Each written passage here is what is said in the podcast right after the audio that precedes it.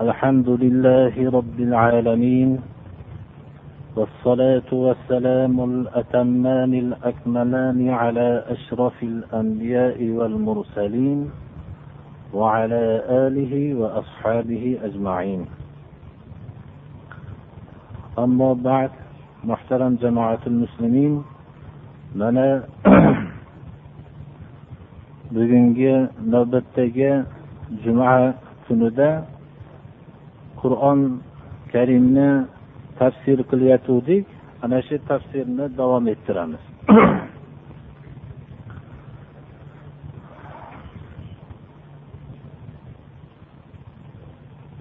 Tafsir qilinmoqchi bo'lgan suramiz bismillahi rohmanir rohim qur'oni karimning bir yuzu yettinchi surati suratul maun. Janobi rasululloh sollallohu alayhi vasallam ba'zi rivoyatlarga qaraganda makkai mukarramada turganlarida nozil bo'lgan. Ba'zi rivoyatlarga qaraganda avvalgi uch oyat makka mukarramada turganlarda nozil bo'lgan. Keyingi to'rt oyati madina munavvarada turganlardan nozil bo'lgan. Payg'ambarimiz sollallohu alayhi vasallamga vahiy nozil bo'lgandagi odati sharifalari vahiyni nozil bo'lgan vaqtida oyatlarni qaysi suraga yozilishligini o'zlari shu buyruq qilardilarki bu oyatni mana bu suraga yozinglar. Bu oyatni mana bu suragani davomi shuni qo'shib qo'yinglar deb buyururdilar. Shu buyruqlari bilan ular ana shu oyatlarni shu buyruq asosida yozishardilar. Shuning uchun oyatlarning qaysi suradan bo'lishligi ya'ni tavqifiy ana shu rasululloh sollallohu alayhi vasallam shu narsani shu mavquf shu bir joyga nima qilib bog'lab qo'yganlar shuni. Shu oyatni biror kishini haqqi yo'qki bu oyatni mana bu surada yozilishligini hech kimda ixtiyori yo'q. Olloh subhanahu va taolo tarafidan buyurilgan muhammad alayhissalom shu oyatni ana shu suraniga qo'shishlikka buyurganlar. Mana shuning uchun surai moun surasi yetti oyat bo'lsa avvalgi uch oyati makkiy degan rivoyat bor keyingi to'rt oyati madaniy ya'ni madina munavvarada turganlarda nozil bo'lgan.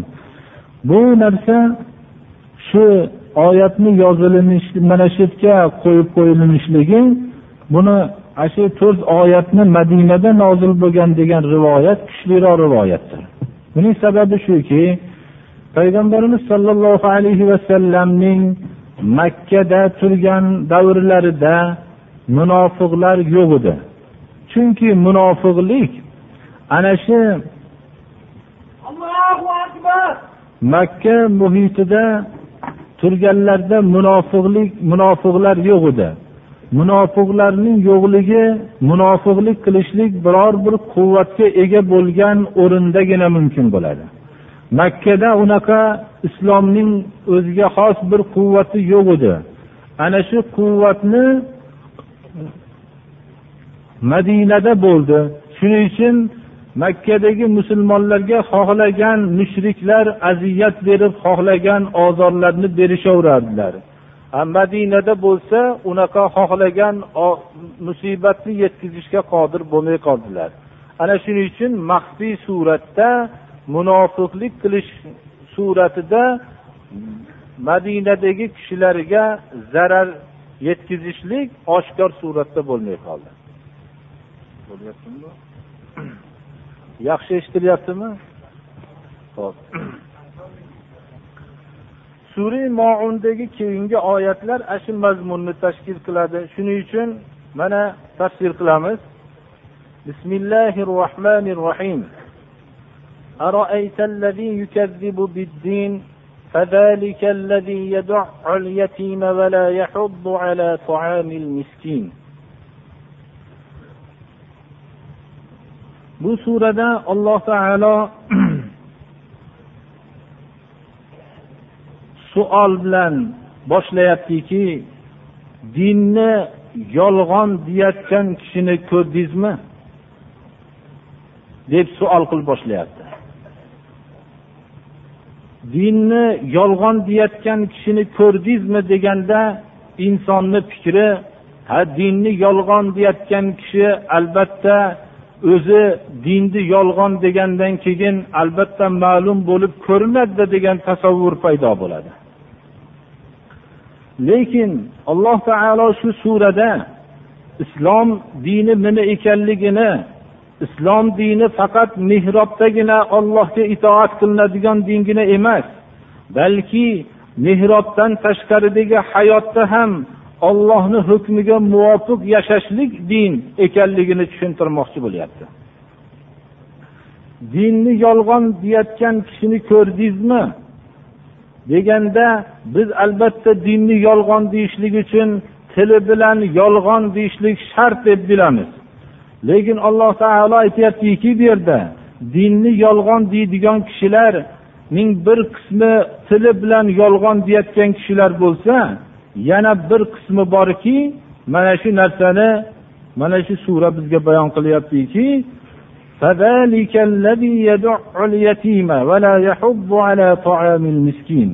mana shu dinni yolg'on deyayotgan kishi yetimni o'zidan itarib surgan kishi deyapti.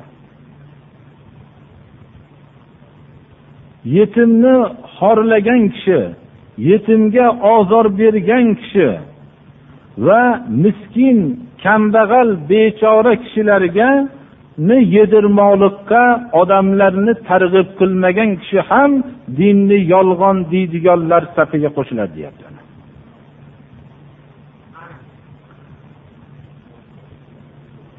Alloh taoloni dini mana shu oyatdan bizga ma'lum bo'lyaptiki din qanchalik yetim miskinlarning tarafdori bo'lganligini tasvirlovchi bundan ortiq so'z bo'lishi mumkin emas.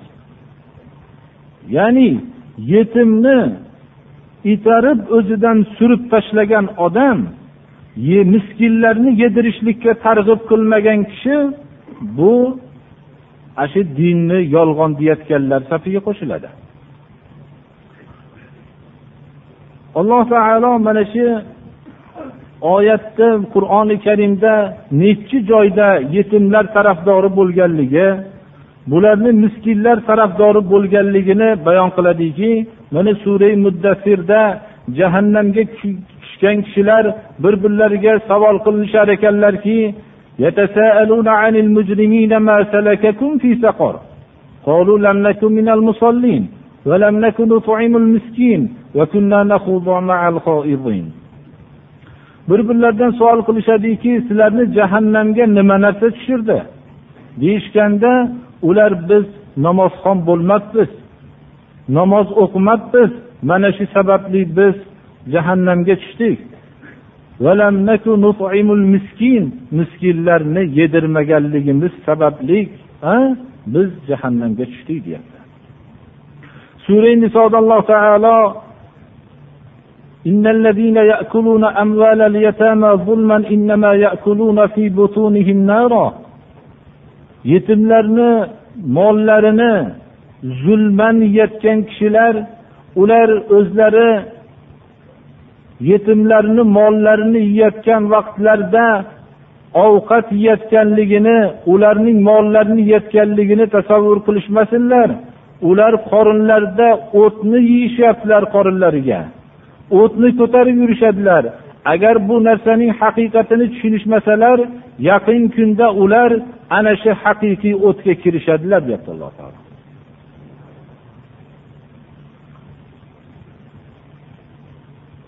Mana boshqa oyatlarda ham sura nisoda shu yetimlarni vasiylariga buyruq bo'lganda kim masalan yetimlarni mollarini yemanglar degan oyat kalima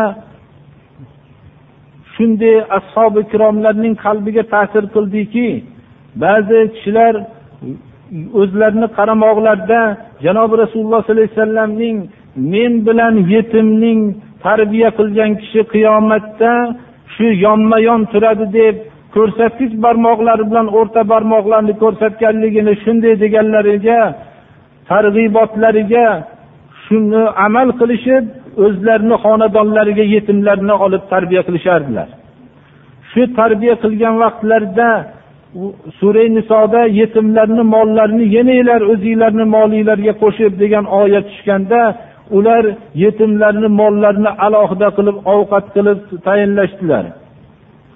Hatto ulardan oshib ovqatlar ba'zi vaqtda oshib qolganda o'zlarining ovqatlariga qo'shmasdan u ovqatlar ayni shunday holat paydo bo'lib qoldi.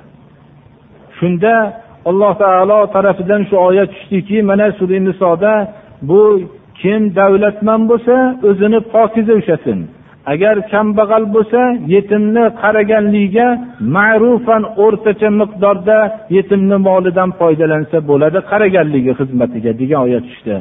U alloh taolo sizlarni bir harajlantirmoqchi emas yetimlarni mollarini yemanglar degan oyatdan murod tamomiy shu ovqatlarni buzilib shunday bo'lsa ham tashlab yuborishlik shu maqsad emas degan oyat tushdiki shu darajada bitta oyatning musulmonlar hayotiga ta'siri shu darajada bo'lib ketdi endi mana shu oyatlardan biz bilishimiz kerakki hozirgi vaqtlarda o'zimiz ey birodar mo'minlar shuni mulohaza qilaylikki yetimlarda qolgan xonadonlarda ularning mollarini qolgan mollarini katta ziyofatlar uyushtirilib bozorlarda qimmatbaho narsalarni ana shu pullarga olinib ularga o'zimiz tarafimizdan ehson nomlarini qo'yib olib yegan mo'minlar ham bir shu olloh subhana va taoloning nidosiga bir quloq solib qo'yishlari kerak.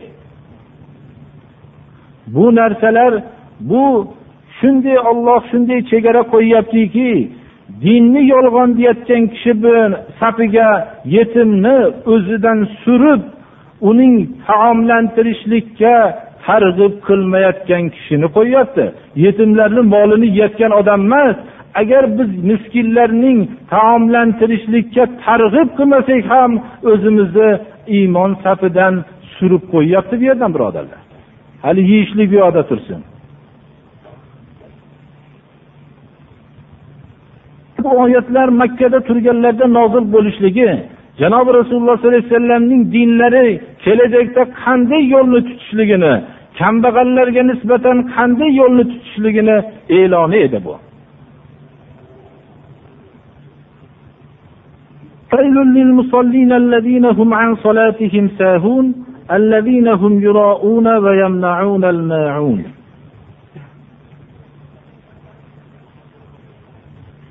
alloh taolo bu mana namozxonlar holiga voy deyapti. Tasavvuringizda namozxonlar holiga voy bo'lsa bu keyingi sifatidan keyin ma'lum bo'ladiki namozlaridan beparvo bo'lgan namozxonlar holiga voy. Namozlardan beparvo bo'lishliklarining belgi hayotdagi amallarda riyo amallarni qilishadilar. Va o'zlari birodar mo'minlariga bo'lgan yordamlarini to'sishadilar. Mana shu namozlardan beparvo bo'lishlikni belgisi. Ular namozlarni o'qishadilar lekin namozni barpo qilishmaydilar qur'oni karimda namozni o'qinglar degan buyruqni sollu solata buyrug'i bu yerda topolmaymiz. Lekin namozni barpo qilinglar deyilyapti namoz o'qish boshqa namoz harakat suratlarini keltirishligimiz boshqa namozni barpo qilishlik boshqa bu endi. Ana shunday namozxonlarki namozlarining mohiyatidan beparvo namozlarini o'qishadilaru hayotdagi amallarda riyo amallarini qilishadilar. Bunday riyokor bo'lgan va hamda o'zlarining yordamlarini mo'minlardan ayagan namozxonlar holiga voy deyapti alloh taolo. Endi namozxonlarning holiga shunday namozlardan beparvo bo'lgan namozxonlarning holiga voy bo'lgandan keyin namozlarini masxara qilib o'qimay yurgan odamlarning holi hammaga ma'lum mana endi namoz qur'onda alloh taolo namoz odamlarni nimaga yo'talaydi namoz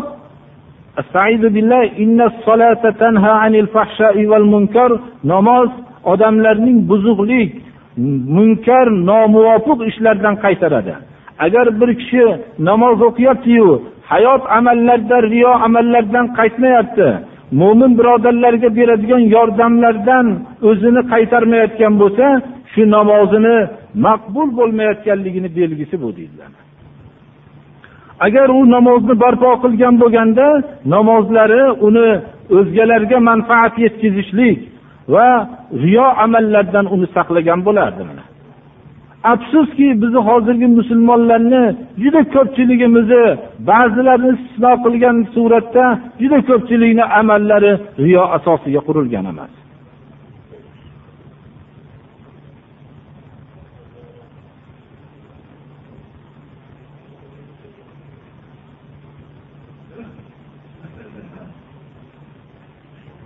Ma'unat yordam deganda shuni tushunishimiz kerakki biz yordam bizni hozir xalqimiz islomni tushunmaslikka muhtoj bo'lib turibdi. Dinni tanimaydi. Masalan ilmsiz jaholat bid'at botqog'iga botgan mana shu botqoqlardan chiqarishlik bizni yordamimiz bo'lishi kerak. Mana shu yordamlarni agar boshqalarga bermasak ana shu biz shu hozirgi namoz o'qib namoz hollariga voy bo'lgan namozxonlar safiga qo'shilib qolamiz birodarlar mana. Bu endi shuni yaxshi bilaylikki bu hozirgi aytilayotgan so'zma so'z tarjima qilyapmizki mana shu narsani. Bu olloh subhanahu va taolo namozning farz qilishligidan asli hikmat nima ekanligini bandalarga tushuntiryaptiki har bir kishi o'zi namozxon kishi o'zining o'qiyotgan namozini bir taroziga solib ko'rsinki lekin o'zining tarozisiga emas olloh aytgan taroziga tortsinki agar amallarda riyo bo'layotgan bo'lsa o'zgalardan o'zining yordamini ayayotgan bo'lsa diniy yordamlarni mana shuni aytayotgan bo'lsa namozini bir tekshirib ko'rsin namozida shu maqbul bo'lmayotganligini belgisi mana shu narsa.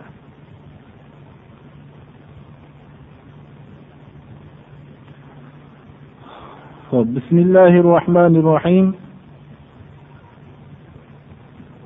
qur'oni karimni bir yuz oltinchi surasi ekan sura quraysh.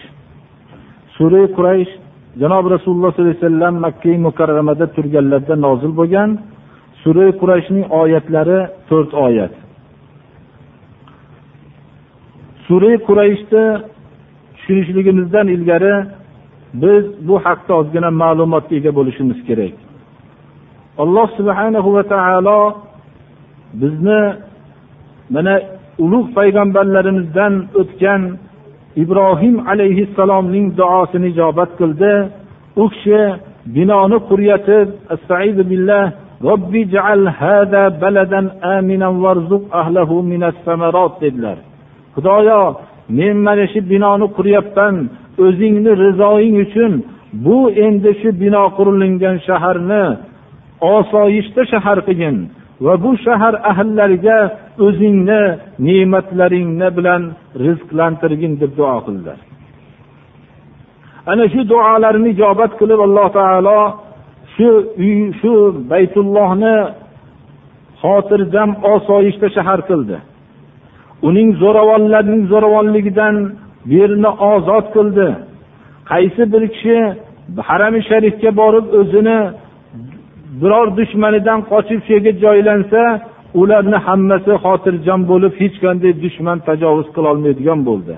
Hattoinki kabaning ichida uch yuz oltmishta butni qo'yib turgan mushriklar ibrohim alayhissalomni dinidan burilgan davrlarda ham ana shu yo'lni shu baytullohgada qon to'kishlik shu yerda biror jang qilishlik birovga tajovuz qilishlikni o'zlariga katta gunoh deb sanashib yurdilar mana alloh subhanahu va taolo boshqa suralarda ham minnat qilib aytyaptiki أولم يروا أنا جعلنا, جعلنا حرما آمنا ويتخطف الناس من حولهم odamlar ko'rishmaydimiki biz ularga osoyishta bir harami sharifni qilib berdik Ammo odamlarni atroflaridan talon taroj qilib ketilyaptiyu bularga hech kim tegmayapti. Mana shu minnat qilib shunday deydi. Mana bu yerdagi mana bundan keyingi surada inshaalloh tafsir qilamiz. Fil hodisasi ham ana shuning katta bir daliliki shunday fil hodisasida mana inshaalloh keyin tarjima qilamiz. Bu biror kishining yordamisiz baytullohga hech kim hujum qilolmadi mana. Makka mushriklari hammasi o'zlari bu abraha ismli podshoga habasiston podshosiga qarshilik ko'rsatolmaslikka o'zlarining aqllari yetib to'g'ri ana shu makkadan tashqariga chiqib ketishib turdilar mana. Alloh taolo o'zi saqladi mana bu surada ular ana shu osoyishta sababli bu xotirjamlik ularni bemalol korvonlab yo'li orqasida savdo yo'llarini tuzishlikka jur'atlantirgan edi. Ular janub tarafda yamanga borishardilar shimol tarafda shom viloyatiga borishardilar va ikkita katta savdo safarini tartiblab olishgan edilar. Yo'lda ularga hech qanday bir qaroqchilar hujum qilmasdi kabatulloh haram sharifdan kelganliklari uchun. Bitta yaman tarafiga bo'lgan safarlari qishda bo'lardi shom tarafiga bo'lgan savdo safarlari yoz faslida bo'lardi. Arab xalqlarining o'zi tamom talon taroj asosida yashashliklariga qaramasdan haram sharifdagi kishilar hammasi osoyishta o'zlarining savdolarini bemalol xotirjamlik bilan o'tkazishardilar. Alloh taolo endi shunday kabatullohda turishib kabatullohning sharofati mana shu yerda jo'natilingan muhammad alayhissalomga iymon keltirmasdan turganliklarini shuni noshukurlik ekanligini tushuntirishlik uchun mana shu surada bayon qilinyaptiki لإيلاف قريش إيلافهم رحلة الشتاء والصيف فليعبدوا رب هذا البيت الذي أطعمهم من جوع وآمنهم من خوف ularga shu shom viloyatiga safar qilishlik yaman viloyatiga safar qilib savdolarni qilish odat tusiga kirib ketgan edi. Ular hech yo'lda bir biror tashvish yetishligini ular o'ylashmasdi. Shuning uchun alloh taolo aytyaptiki qurayshning odatlanganligi sababli va qaysi odatlanishligi qishda va yozdagi safar savdo safariga odatlanganliklaridan bir hijolat bo'lishsinlar hech bo'lmasa. Hamma atroflar tashvish bilan yashashsalar bular qishda ham bemalol e, bu yaman viloyatiga savdo safarini qilishyaptilar yozda bo'lsa shom viloyatiga safar qilishyaptilar bemalol. Ana shu bemalol shu yozdagi safarlariga odatlanib qolganligi bemalol odat tusiga aylantirib olganliklaridan hech bo'lmasa ibodat qilishsinlar shu baytulloh rabbiga. Shu baytulloh tufayli shunday osoyishta yashashyaptilar shu baytullohni rabbiga ibodat qilishsinlar. Baytulloh rabbiki ularning shunday qurg'oq yerlarda yashashliklariga sahrolarda yashashliklariga qaramasdan ularni ochlikdan taomlantirib mamnun qilgan rabbiga robbilariga sig'inishsinlar. Va ular masalan shunday atroflar hammasi tashvishda yashayotganda ularni tashvishdan xotirjam qilgan shu baytullohning rabbiga ibodat qilishsinlar deyapti alloh taolo. Surai quraysh mana ana shu quraysh xalqi buni yaxshi tushunishardilar. U biz masalan bu osoyishtaliklarini faqat baytulloh atrofidagina bor edi. Ana shuni tushunishardilarki olloh o'zi bergan ne'matni ularni esiga solib turib ibodatga buyuryapti mana.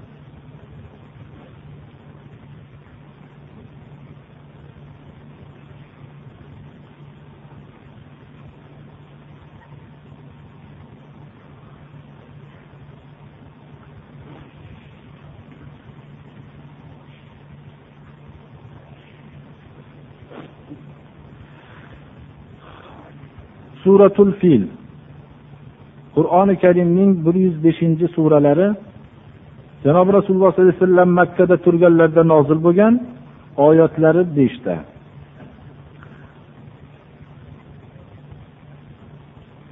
Surai fil arabiston viloyatining hayotida juda ham mashhur bo'lgan bir hodisaga ishora qiladi. Bu hodisa alloh subhanahu va taoloning kelajak davrda axirgi nur tushadigan qilib tanlagan muqaddas o'rinni qanday muhofaza qilganligiga dalolat qiladi. Va qiyomatgacha bo'lgan butun bashariyatning aqidasi unib chiqadigan joyni qanday bir rioya qilib saqlaganligiga mana shu hodisa hujjat edi. Bu suraning nozil mazmuni haqida shu hodisa haqida turli rivoyatlarning hammasi qisqasi shuni ishora qiladiki yamanning habasiston tarafidan qo'yilgan hokimi yaman viloyati habasiston hukmiga bo'ysunib turgan davrlarda fors viloyati bu quvg'in qilingandan keyin shu habasistonning hokimi bo'lgan abraha ismli kishi yaman viloyatida o'zi habasiston podshosining nomi bilan bir ibodatxona qurdirdi. Bu ibodatxonaga tamomiy tantanalik bo'lgan odamni hayratda qo'yadigan dabdabali narsalarni o'rnatdi. Uning maqsadi shu ediki odamlar tamomiy shu kaba kabaga borishib ibodat qilishib shunday qilishadilar. Men shu kabadan ko'ra ko'rkamroq bir narsa qursam odamlar shunga burilishib baytul haromdan burilishib meni ibodatxonamga ko'chib kelishsa degan umidda qurdirgan edi. Mushrik dinsiz odamlarning fikri mana shunday bo'ladi. Afsus bu musulmon bizni millatiga ham ana shu fikr kirib bormoqda. Doim dabdaba shunday narsalarni ko'rganda shu hayron qolib shuning ajoyibotligi uni aqlini oladi hozirgacha mana. Uning ichidagi ma'noga qarash afsus bizni davrimizda yo'qolib bormoqda shu narsa. Bu ham ana shu maqsadda ko'rkamroq bir narsa qursam odamlar buriladi degan chunki mushriklarning qalbi doim shunday bo'ladi.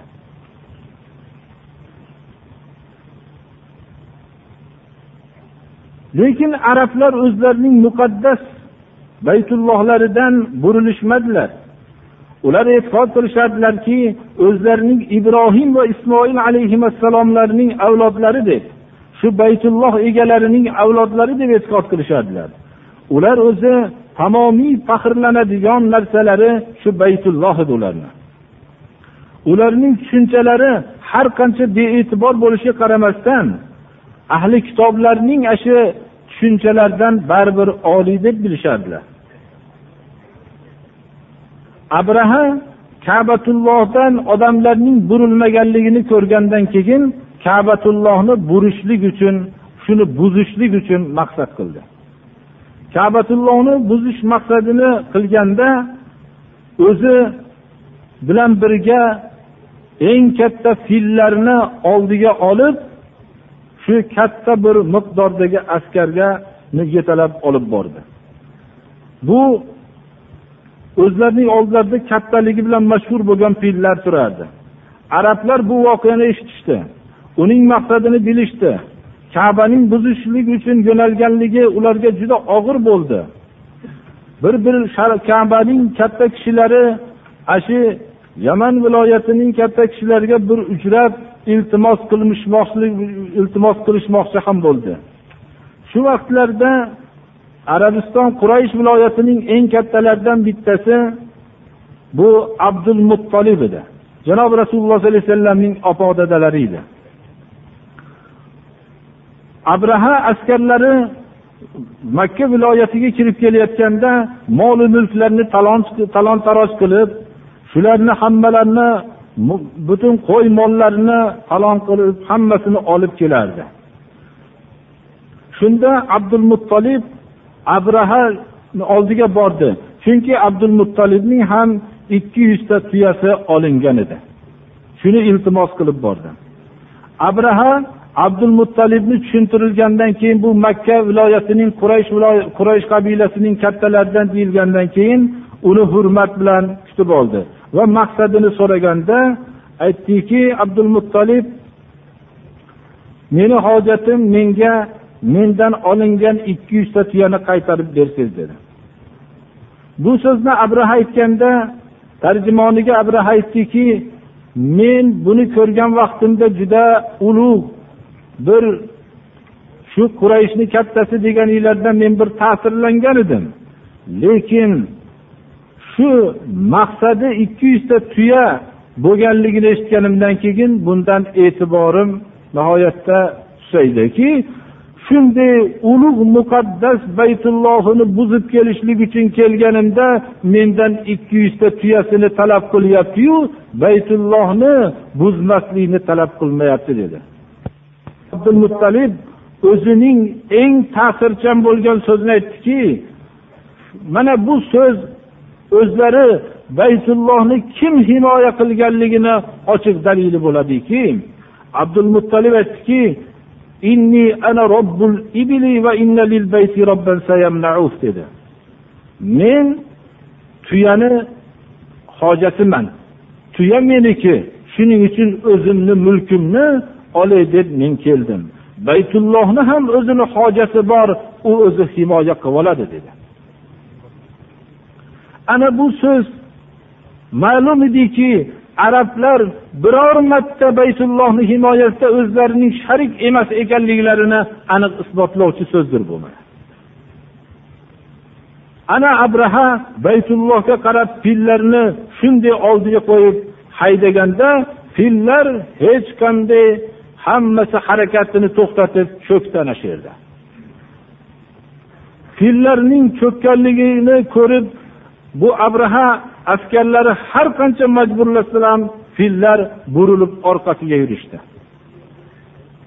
Mana bu hodisa rasululloh sollallohu alayhi vasallamni so'zlari bilan ham sobitki hudaybiya yilida u kishi sulhu hudaybiyada tuyalari bir joyga cho'kkanda qasvo ismli tuyalari aytdilarki bu qasvo janob rasulullohni tuyalari dankasalik qilib qoldi yurmay qo'ydi deganlarida aytdilarki yo'q tuya dangkasalik qilgani yo'q. Dangkasalik buning odati emas lekin buni filni to'xtatgan narsa to'xtatib qoldi dedilar abraha filini to'xtatgan narsa to'xtatib qoldi dedilar. Mana bu narsa shu abrahaning tarixdagi bo'lgan voqeani mustahkam ekanligini bilindi ana shu fil voqeasi yilida janobi rasululloh sollallohu alayhi vasallam tug'ilgan edilar. Bu kabatullohni buzilmaslikni olloh iroda qilgan edi. Bu yerdan bashariyatning qiyomatgacha bo'lgan dinining urug'i shu yerga ekilinadigan edi. Ana shu barakot bilan bu baytulloh himoya qilingandi. Alloh subhanahu va taolo bu endi ne'matni makka mushriklari esdan chiqarishib o'zlarining xudoni ne'mati bularga qancha bo'lganligini esdan chiqarishib endi o'zlari zo'ravonlik qilib muhammad alayhissalomga qarshi chiqayotganda unga zo'ravonliklarini ro'poch qilishib turganlarda alloh subhanahu va taolo o'tgan va davrda qilgan ne'matini katta bir hodisani yodlariga olyaptiki sizlar zo'ravonlik qilmanglar sizlar muhammad alayhissalomni yo'liga qarshi chiqmanglar o'zinglarning kuchliliklaringlarni pesh qilmanglar. Alam taro kayfa faala robbuka bi ashabil fil? Ko'rmadingizmi rabbiz fil egalariga nima qilganligini. Fil egalariga nima muomala qildi? Zo'ravonlarga qanday muomala qildi alloh taolo? Shuni ko'rmadingizmi? Alam yaj'al kaydahum fi tadlil? Ularning tadbir makrlarini maqsadga yetmaydigan qilib yo'qotib tashlamadimi? Ularning qilgan tadbirlarini yo'qotib tashlamadimi? Abraha shu voqeada shunda alloh taolo bir to'p to'p qushlarni jo'natdiki hammasini halok qilib tashladi qushlar. Ular har bittalarida tosh bor edi loy aralashgan tosh bor edi kimga tegsa ana shu halok bo'lardi. Mana alloh taolo shu ne'matini minnat qilib aytyaptiki ularning tadbirlarini maqsadga yetmaydigan qilib yo'qotib tashlamadimi? Ularga to'p to'p qushlarni jo'natmadimi? Ularga loy aralashgan toshdan bo'lgan toshni otadigan to'p to'p qushlarni jo'natmadimi? Sijil kalimasi mana ba'zi mufassirlarimiz aytishadilar forsiy kalimalardan. Sangil sang tosh shu gil loy. Shu sangil sijil bu shu muarrab bo'lgan shu arab iste'molida ham sangil ya'ni tosh bilan loy aralashgan biz uni kayfiyatini bilmaymiz.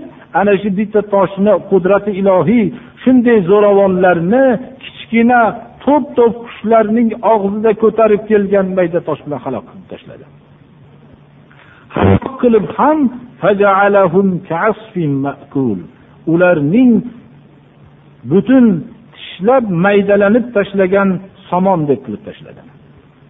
Hayvonlar yeb tashlangan somon qanday bo'lsa chaynalib tashlangan somon odamlarni abraha askarlarini ana shunday qilib tashladi.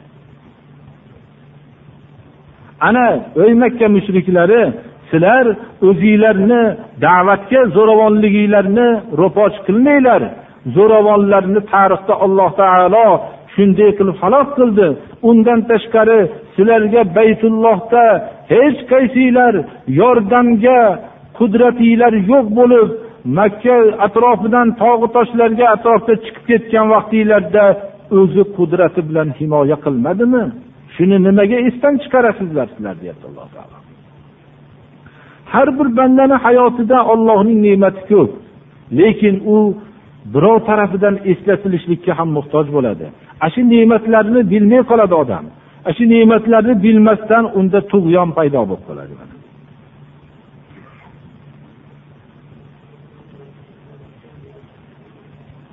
Bu hodisa hamma davrdagi da'vat kishilariga ibratki agar shu da'vat kishilari bu surai filni o'qib turib qanday dinga qarshi zo'ravonlik qilganlarning ahvoli qandayligini bilsalar bo'ladi mana shunday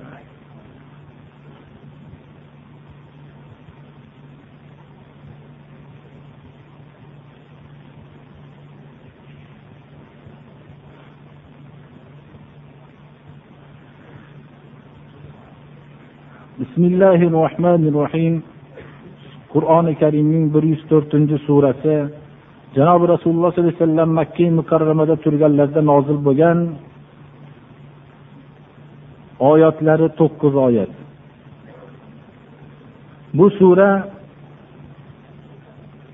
da'vat avvalida nozil bo'ldi mana makkada turganlarda shu bilan birga ana shu da'vat davridagi sodir bo'layotgan voqealarni akslab beradi. Shu undan tashqari bu voqealar doim takrorlanaveradigan voqeadir. Bu voqealar masalan shu shunday suratni suratlab beryaptiki sura. O'zi laim odam. Moli davlat berilingan. Moli davlatga quvongan. Mol hayotdagi eng oliy o'lchov deb qaragan. U mol oldida hamma dunyodagi qiymatlar e'tiborsiz hamma qadrlar e'tiborsiz bo'lgan odam. Ma'naviy qadrlarni ma'naviy qiymatlarni hisobga olmaydi. U molga ega bo'ldimi? Demak odamlarning ko'tarish pastlatishlikka ham ega deb tushunadi. Hatto o'limni ham shu mol bilan qaytarib olaman deydi. Hayotni shu molim bo'lar ekan meni hayotim abadiy deb tasavvur qila oladi. Ana shunday kishining alloh taolo bu yerda suratlayapti. Undan tashqari makka mushriklari janobi rasululloh sollallohu alayhi vasallamning masxara qilishardi. Tillari bilan masxara qilishardi. Qo'llari bilan masxara qilishardi ko'rsatishib. hatto janobi rasululloh sollallohu alayhi vasallamga ergashgan kishilarning har xil ahvollarini o'zlarining o'lchovlariga tushmaganligi uchun ularni ham masxara qilardi mana zunayra ismli ayol musulmon bo'lganda aytishardiki وقال الذين كفروا للذين آمنوا لو كان خيرا ما سبقونا إليه kofirlar iymon keltirgan kishilarni ko'rishib turib aytadiki agar muhammad alayhissalom olib kelgan narsa yaxshi bo'lganda biz birinchi iymon keltirgan bo'lardik. Deyishardi. Shu zunayra u kambag'al edi. Nihoyatda bechora edi. Mana bizni ham ko'zimizga kichik qaddi qomati ko'rimsizroq shunaqa faqir kambag'al odamlar ko'rimsiz bo'lib ko'rinadi. Shu zunayra bizdan o'tib ketgan bo'larmi? Chunki zunayra musulmon bo'lgan edi ular o'lchovni zunayra shu bizdan agar shu muhammad olib kelgan narsa yaxshi bo'lganda zunayrani musulmon bo'lib biz qolgan bo'lamizmi? Yaxshi bo'lsa biz ilgari bo'lgan bo'lardik deyishardi va shunday yo'llar bilan masxara qilishardi. Mana qur'oni karimni boshqa yerlarda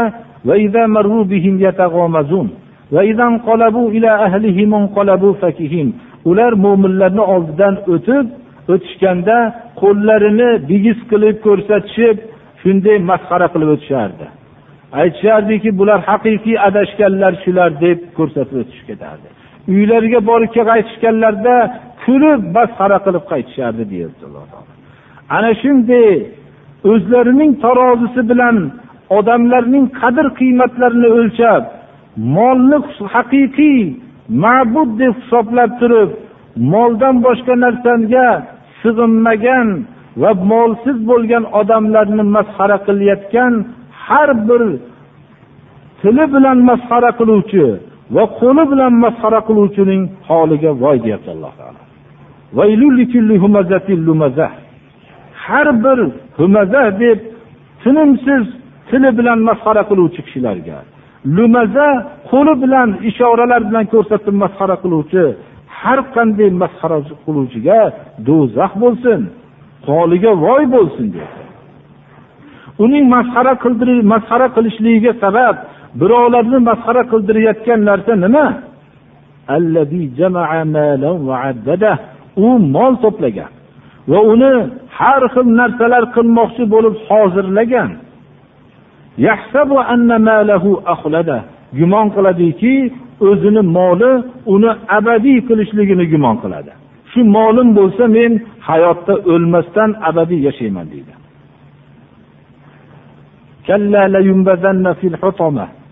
Yo'q u albatta yaqin kunda butun vujudini nima narsa tashlansa parchalab tashlovchi narsaga uloqtiriladi uni.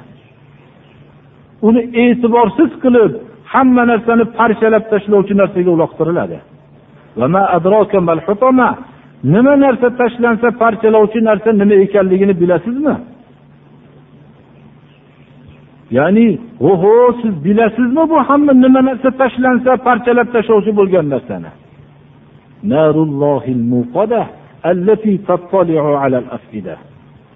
Bu nima narsa tashlansa parchalab tashlaydigan narsa ollohni o'ti bu. Ya'ni o't bo'lib ham ollohni o'ti bu. U yondirilgan o'ti doim shu masxara chiqayotgan qalblarni yorib kiradigan shuni kuzatib yorib turib kiradigan o'tdir ana shu. Ana afida odamning masxarasi qilishligi shu qalbidan chiqayotgandimi ana shu qalbini doim ana shu qalbigacha yorib kiradigan ollohning yondirilgan o'tidir ana nima narsa tashlansa parchalab tashlaydigan narsa shu do'zaxga bu xor suratda uloqtiriladi.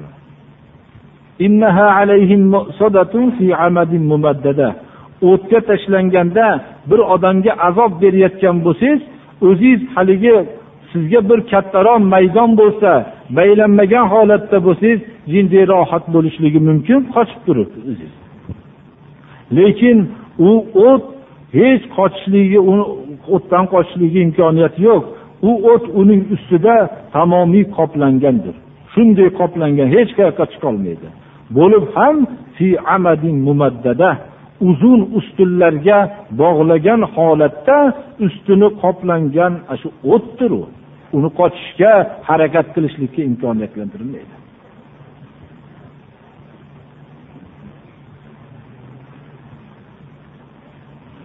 bu suralar payg'ambarimiz sollallohu alayhi vasallamning davrida mo'minlarni moli davlatga ega bo'lgan kishilar masxara qilayotgan vaqtda nozil bo'lgan edi. Ular bashar edi inson edi ular. Ana shu masxaralarning ta'siri bo'ladi. Mana bizlarga ham masxaralarning ta'siri bo'layotganga o'xshagan. Har qancha rasululloh sollallohu alayhi vasallamning huzurlarida turishni tarbiya topgan bo'lsalar ham kofirlarning masxaralari bo'lib haligi ularning botillari rivoj topayotgan vaqtlarda ularda ham bir insonlik xususiyatlari qo'zg'alib achinib g'amginlik paydo bo'lganda alloh subhanahu va taolo ana shu masxara qilinayotgan haqiqiy mo'minlarni ana shunday suralarni nozil qilib ularning qalblarini yumshatardi birodarlar. Shuning uchun bizga qur'on shunday mazmun bag'ishlash kerakki biz haq yo'lda bo'lsak haqni gapirayotgan bo'lsak bizdagi o'zlarining masalan o'lchovlarini olishib shu tarozilar bilan o'lchab bizlarni kamsitayotgan vaqtlarda mana shunday suralar bizga malham bo'lishi kerak xudo qur'onda aytyaptiki har qanday tili bilan qo'li bilan masxara qiluvchilarning holiga voy bo'lsin mana shu oyat bizga ollohning bizni tarafida turib ishimiz mana shu bizni himoya qilishligi o'zi mana shu har qanday masxarani yo'qotib yuboradi.